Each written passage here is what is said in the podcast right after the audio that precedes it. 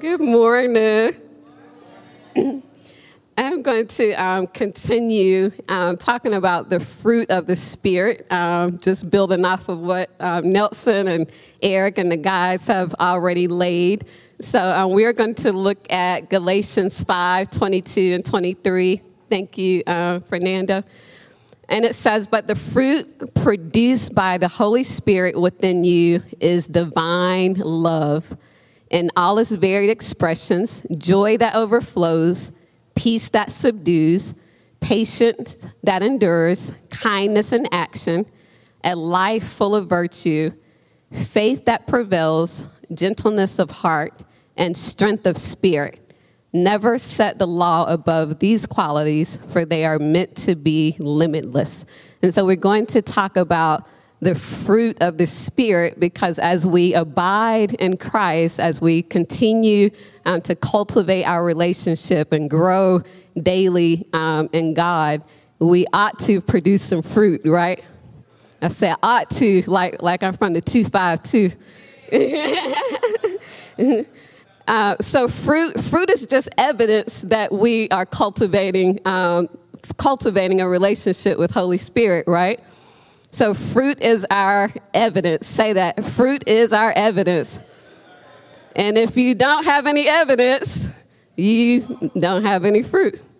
You, you may need to work more on your relationship and um, take your daily time to be in your word, to um, be in prayer, to fellowship and get with the people of God. So, as we're looking at a, definition, um, Webster says love is a strong affection for another. But that's not quite, that doesn't sound very kingdom like because love is not an emotion, right? It's, it's, it goes beyond an affection, it, it's a decision. And when we look at the love of God, the agapeo, it's the nature of Christ that is pure, it's sacrificial, it's selfless, um, and it's unconditional. And so the love that we're looking at today is, is not this ooey gooey emotional, ooh, I love you type love. It's a, I'm going to sacrifice for you. I'm going to love you in spite of. I'm going to love you unconditionally. And I choose to love you. I see so many um, people that come through my office in financial aid who who are in the middle in the midst of divorces and I have to process the paperwork and separate out incomes and my heart breaks because so many people don't understand the love of God and that love is choosing to love. And as soon as things get rocky it's like oh I'm done. I, I'm, I'm not in it for this. But love is in it for the long haul. Amen. In Luke 10 we're going to look at the story of the good Samaritan so in Luke 10 25, it says, And behold, a certain lawyer stood up and tested him, it's talking about Jesus, saying, Teacher, what shall I do to inherit in, in eternal life? And he said to him, It is written in the law. Um, what is your reading of it? In other words, what's your understanding of it? So he answered and said, You shall love the Lord your God with all your heart, with all your soul, with all your strength, and with all your mind and love your neighbor as yourself. And Jesus said to him, You've answered rightly, do this and you will live. So sometimes we're looking for what, what's the thing that we have to do? Kind of what's the, the check box or the check mark or what's the thing, the thing that I have to do to gain eternal life? And Jesus is saying, love God with all your heart, soul, mind, and strength. And then the second commandment is just like it. It's not love God up here and then kind of love your neighbor as you feel like it. It's love God, but also just equally love your neighbor as yourself. And so there's no separation between loving God and loving people. You can't say, I love God, but man, I sure can't stand such and such. I sure can't stand my coworker. So loving God looks like loving people, and loving people looks like loving God. Amen. So there is no no separation of the two. And, and if somebody is like, "Hey, I love me some God, but people uh, not so much," then you're not loving God. Amen. That was right. Weak and quiet. Amen. Amen. All right. So life comes out of loving God and loving people. And I've been in some conversations with a few people that say, man, I, I feel stuck. I kind of don't know what I'm supposed to be doing in this season. Um, I don't know kind of what my calling is or what my gift is, or like, I, I just feel like I'm stuck, right? Have you ever felt that way? Kind of like, what, what is my purpose? I don't know what the plans of God for my life are. Um, I don't really know what my gift is. I'm kind of trying to discover this. But how many of you know that sometimes it's just, just simply finding somebody to serve? I know that went very deep and revelatory and like, you know, maybe a light bulb will come on, hey, who can I serve though? And so sometimes when I feel like that, I, I feel like, man, what, who, who, what am I supposed to be doing? And then I start thinking, who should I be serving? Who should I be showing the love of God to? And it says that we're to love our neighbors the way that we love ourselves. So, in the same way that we take care of ourselves and we, we definitely look out for ourselves and we look out for our own interests, we're to do the same for others. So, love has an expression, and our measuring rod is in 1 Corinthians 13. So, as we look at this and read this, let us um, pull out our measuring rod and begin to measure where our love is. So, it says that love is patient and kind, love is not jealous, it does not brag and it's not proud. Love is not rude. It is not selfish. And it cannot make it cannot be made angry easily. I need to grow already. Love does not remember wrongs done against itself. Love is never, never happy when others do wrong. Love is never happy when others do wrong, but it, al- it is always happy with the truth. Love never gives up on people. It never stops trusting, never loses hope, and never quits. Does that sound like Webster's definition of love? Love is just an emotion or some feeling that you feel towards somebody. This is the love of God. And the only way we can know this love and express this love is if we continue to abide in Him continue to cultivate our relationship with Him. And 1 John 4 7 says, Dear friends, let us love one another, for love comes from God. Everyone who loves has been born of God and knows God. Whoever does not love does not know God, because God is love. How many of you said that as your Bible verse when you were little? We used to have to come up to the front of the church and say Bible verses. We'd be like, God is love. And He is. This is how God showed His love among us. He sent His one and only Son into the world that we might live through Him. This is love, not that we love God, but that He loved us and sent His Son as an atoning sacrifice for our sins. Dear friends, since God so loved us, we also ought to love one another. No one has ever seen God, but if we love one another, God lives in us. Say, God lives in us. If we love one another. So if we don't love one another, then guess what? God doesn't live in us. And his love is made complete in us. Um, we know from John 3:16 it says, "For God so loved the world that He gave." Love is always expressing itself, but it's always giving of itself. Um, it's easy to see. It's, it goes beyond a thought and an emotion, and it has an activity that goes along with love. So love, um, love is very noticeable. There's action that comes along with it it not only gives, but this love gives its very best. God doesn't just say, hmm, I'm going to send you something. He's like, I'm sending you my very best. I'm giving you my very best. So, as we continue into the parable of the Good Samaritan in Luke 10, verse 30, um, Jesus answered and said to the man, A certain man went down from Jerusalem to Jericho and fell among thieves who stripped him of his clothing, wounded him, and departed, leaving him half dead. So, how many people do we know that sound like this? They've been stripped away, maybe of some physical things, maybe they've been stripped of their value, of their integrity, of their purpose or their security. Um, they've been left with no identity. The world has just kind of had its way with them, and they're kind of left left with nothing, left with no hope, left with no joy, left with no peace. And we run into people every day um, who are just like this man that have been robbed because the, the, the, the, description, the role of the devil is to kill, to steal, and to destroy. But Jesus came that we will have life and have it more abundantly. And so we see this man wounded. Um, he's been deeply hurt. Um, sometimes we run into people that have been hurt physically, some of them emotionally, some mentally wounded. He was left alone. He had a lot going on. He was left alone too, and he was half dead.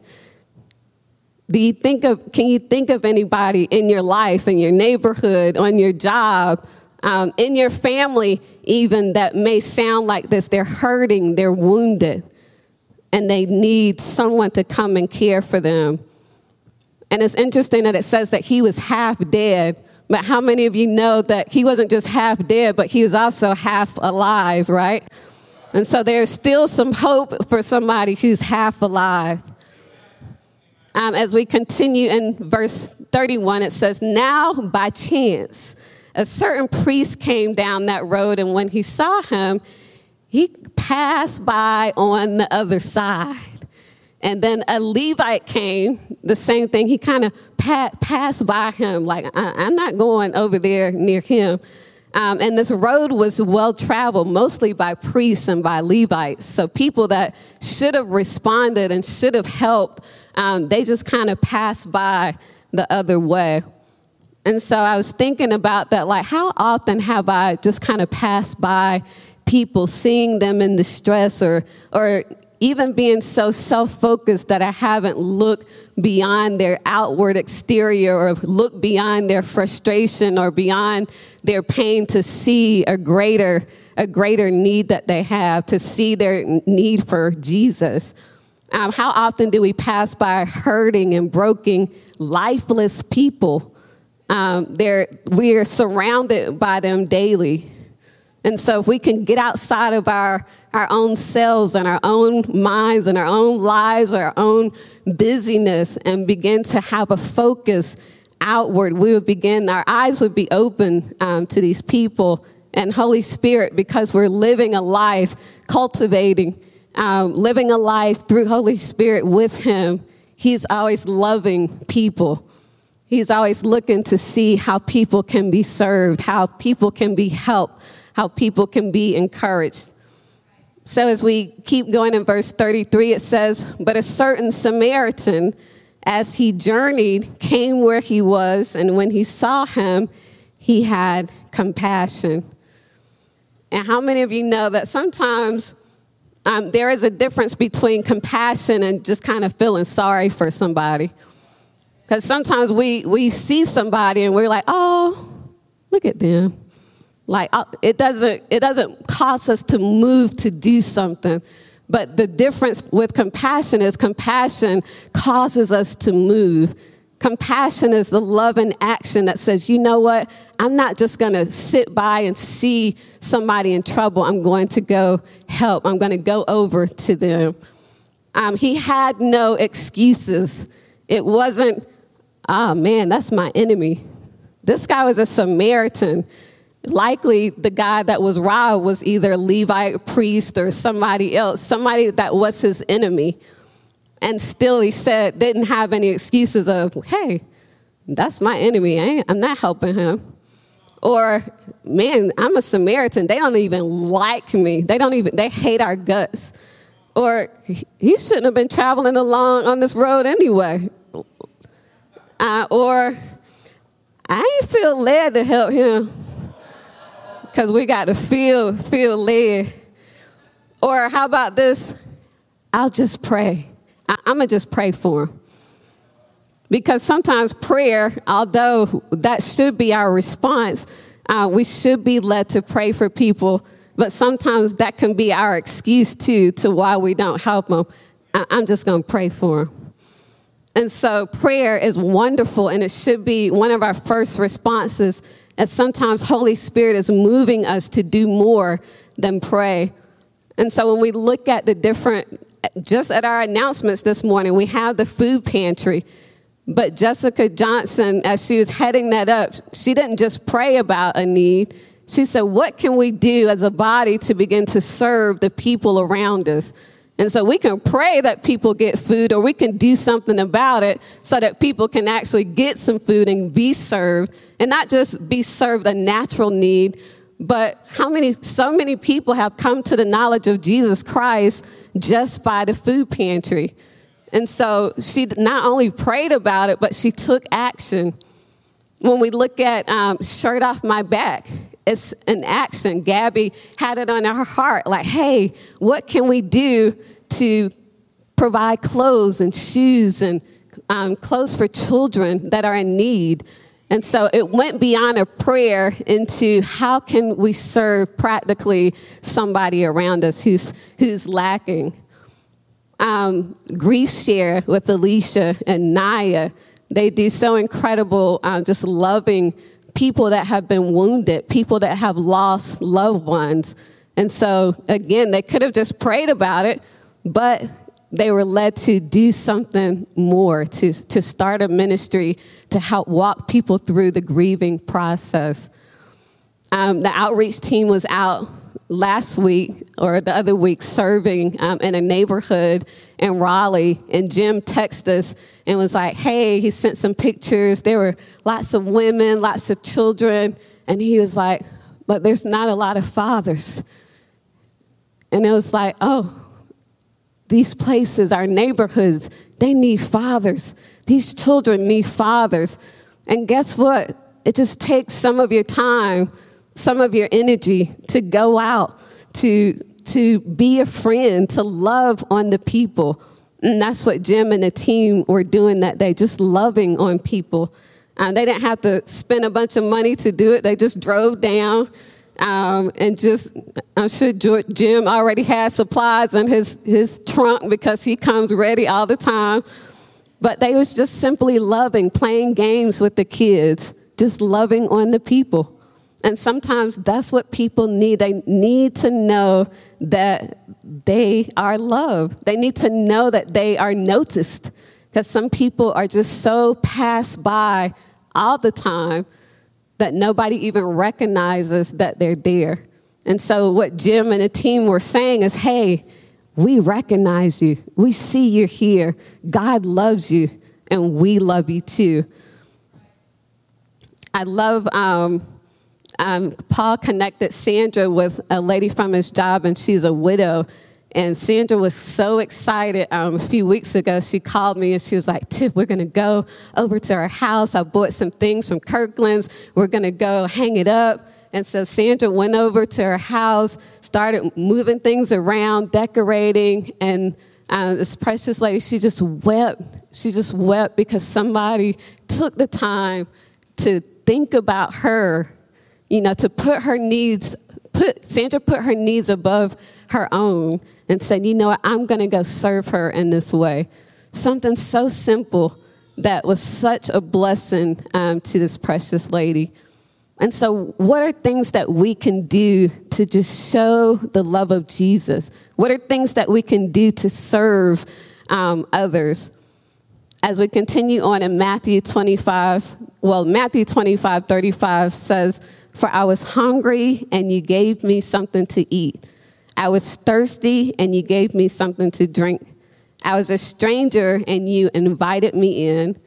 I needed clothes and you clothed me. I was sick and you looked after me. I was in prison and you came to visit me. Then the righteous will answer him, Lord, when did we see you hungry and feed you? Um, when, were, when were you thirsty and we gave you something to drink? And he goes on to say, When you did it unto the least of these, you also did it unto me. I love um, a story that my dad tells sometimes of some baby birds and, and, a mama bird, and the baby birds were just born, and they're like, Mama, Mama, Mama, I'm hungry, I'm hungry. And the mama bird is like, I love you, I love you. And the baby birds are like, Well, show us, show us.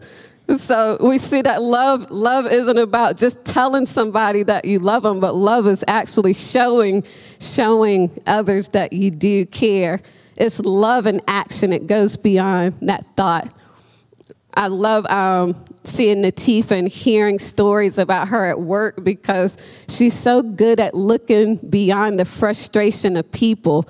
Like a doctor can come in and just totally be disrespectful, be rude, and Tifa looks beyond where they are and says, Are you okay? And then they cry like, well, my mama is sick and my dog, you know, they just start opening up like, because somebody is taking the time to look beyond the outer exterior and to see, hey, this person, something's off with this person. And so Tifa having broke down at work, crying, snotting, and she gets to pray for him all the time. But she's also just won her third nursing award, right, Tifa? Her third award because she's at work showing the love of Jesus. Um, not just not just saying something, but being something, um, showing forth Jesus' love. Um, in verse 34, as we continue on, so he went to him and bandaged his wounds, pouring on oil and wine, and he set him on his own animal, brought him to an inn, and took care of him. So it's so interesting that the Samaritan already had what he needed to take care of this person that he found along the roadside. I want to tell you this morning that you already have what you need to be able to reach others, to be able to show the love of God to others. As, um, as we're ministering to John Jr. this morning, he already has what he needs. He has an incredible gift of worship.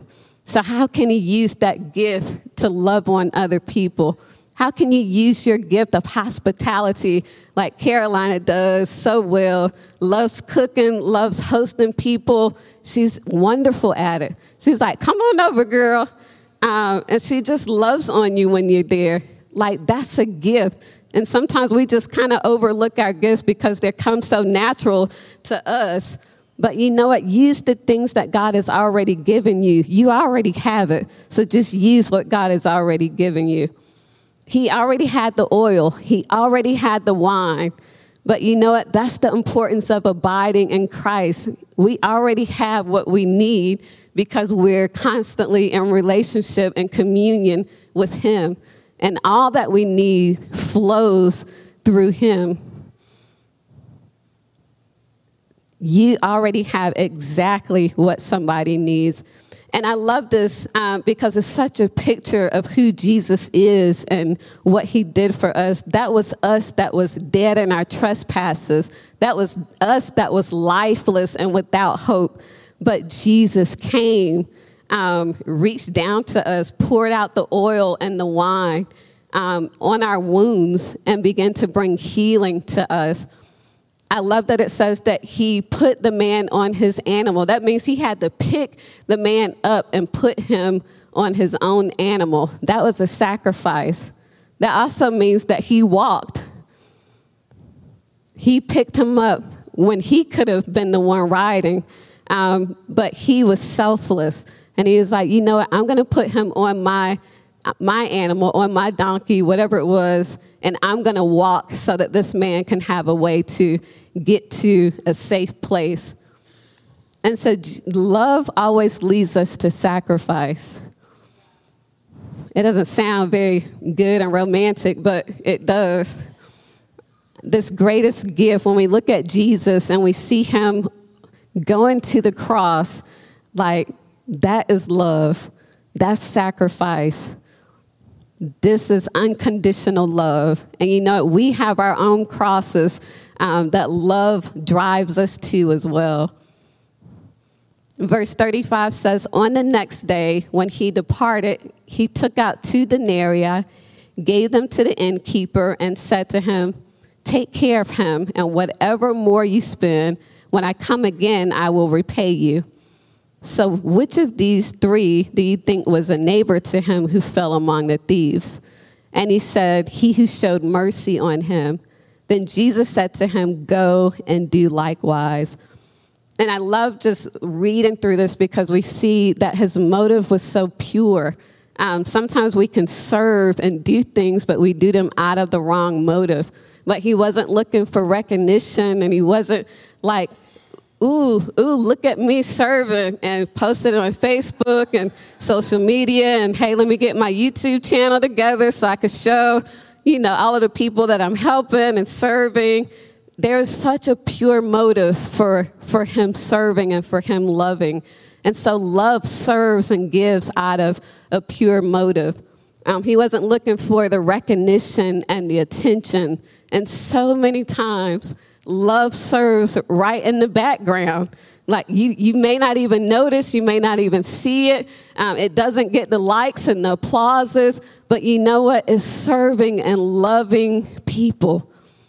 And I was thinking about the 10 lepers. Jesus healed 10 lepers, and one of them came back to say thank you. And Jesus said, Well, weren't there 10 of you? But you know what?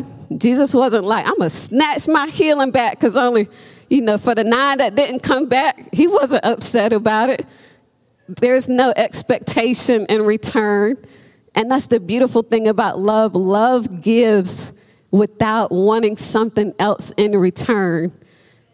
What a pure, unconditional, sacrificial love that Jesus has, but also that same love that flows through us. Um, in John 13 and 34, it says, A new commandment I give to you that you love one another not, not loving your neighbor as yourself. This one says, as I have loved you. And so it kind of raises the bar um, a whole lot more because we're to love one another the way that Christ has loved us. And when we hear this word command or this new commandment, it meant it was something uncommon or it was something that was unpopular or in other words, it's counterculture um, to love the way that, that God loves us. And so it looks so different.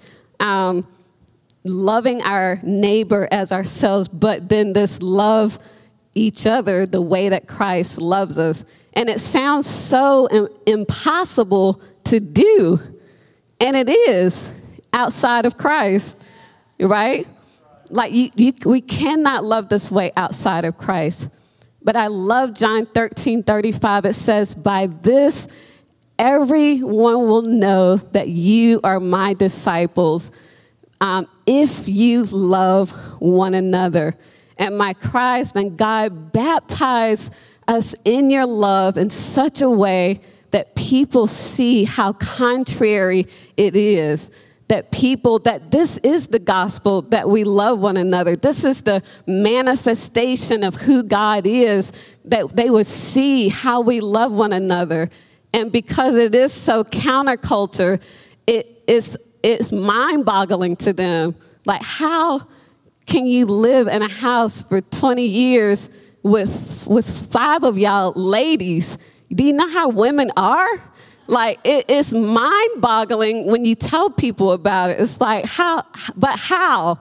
The love of Jesus, the sacrifice, the unconditional love. Like this is my family. How can you serve in the same church um, for 21 years? It's the love of Jesus. There's no greater people. There's no other people that I would rather serve with than the people here love you so much. So, so grateful, so thankful.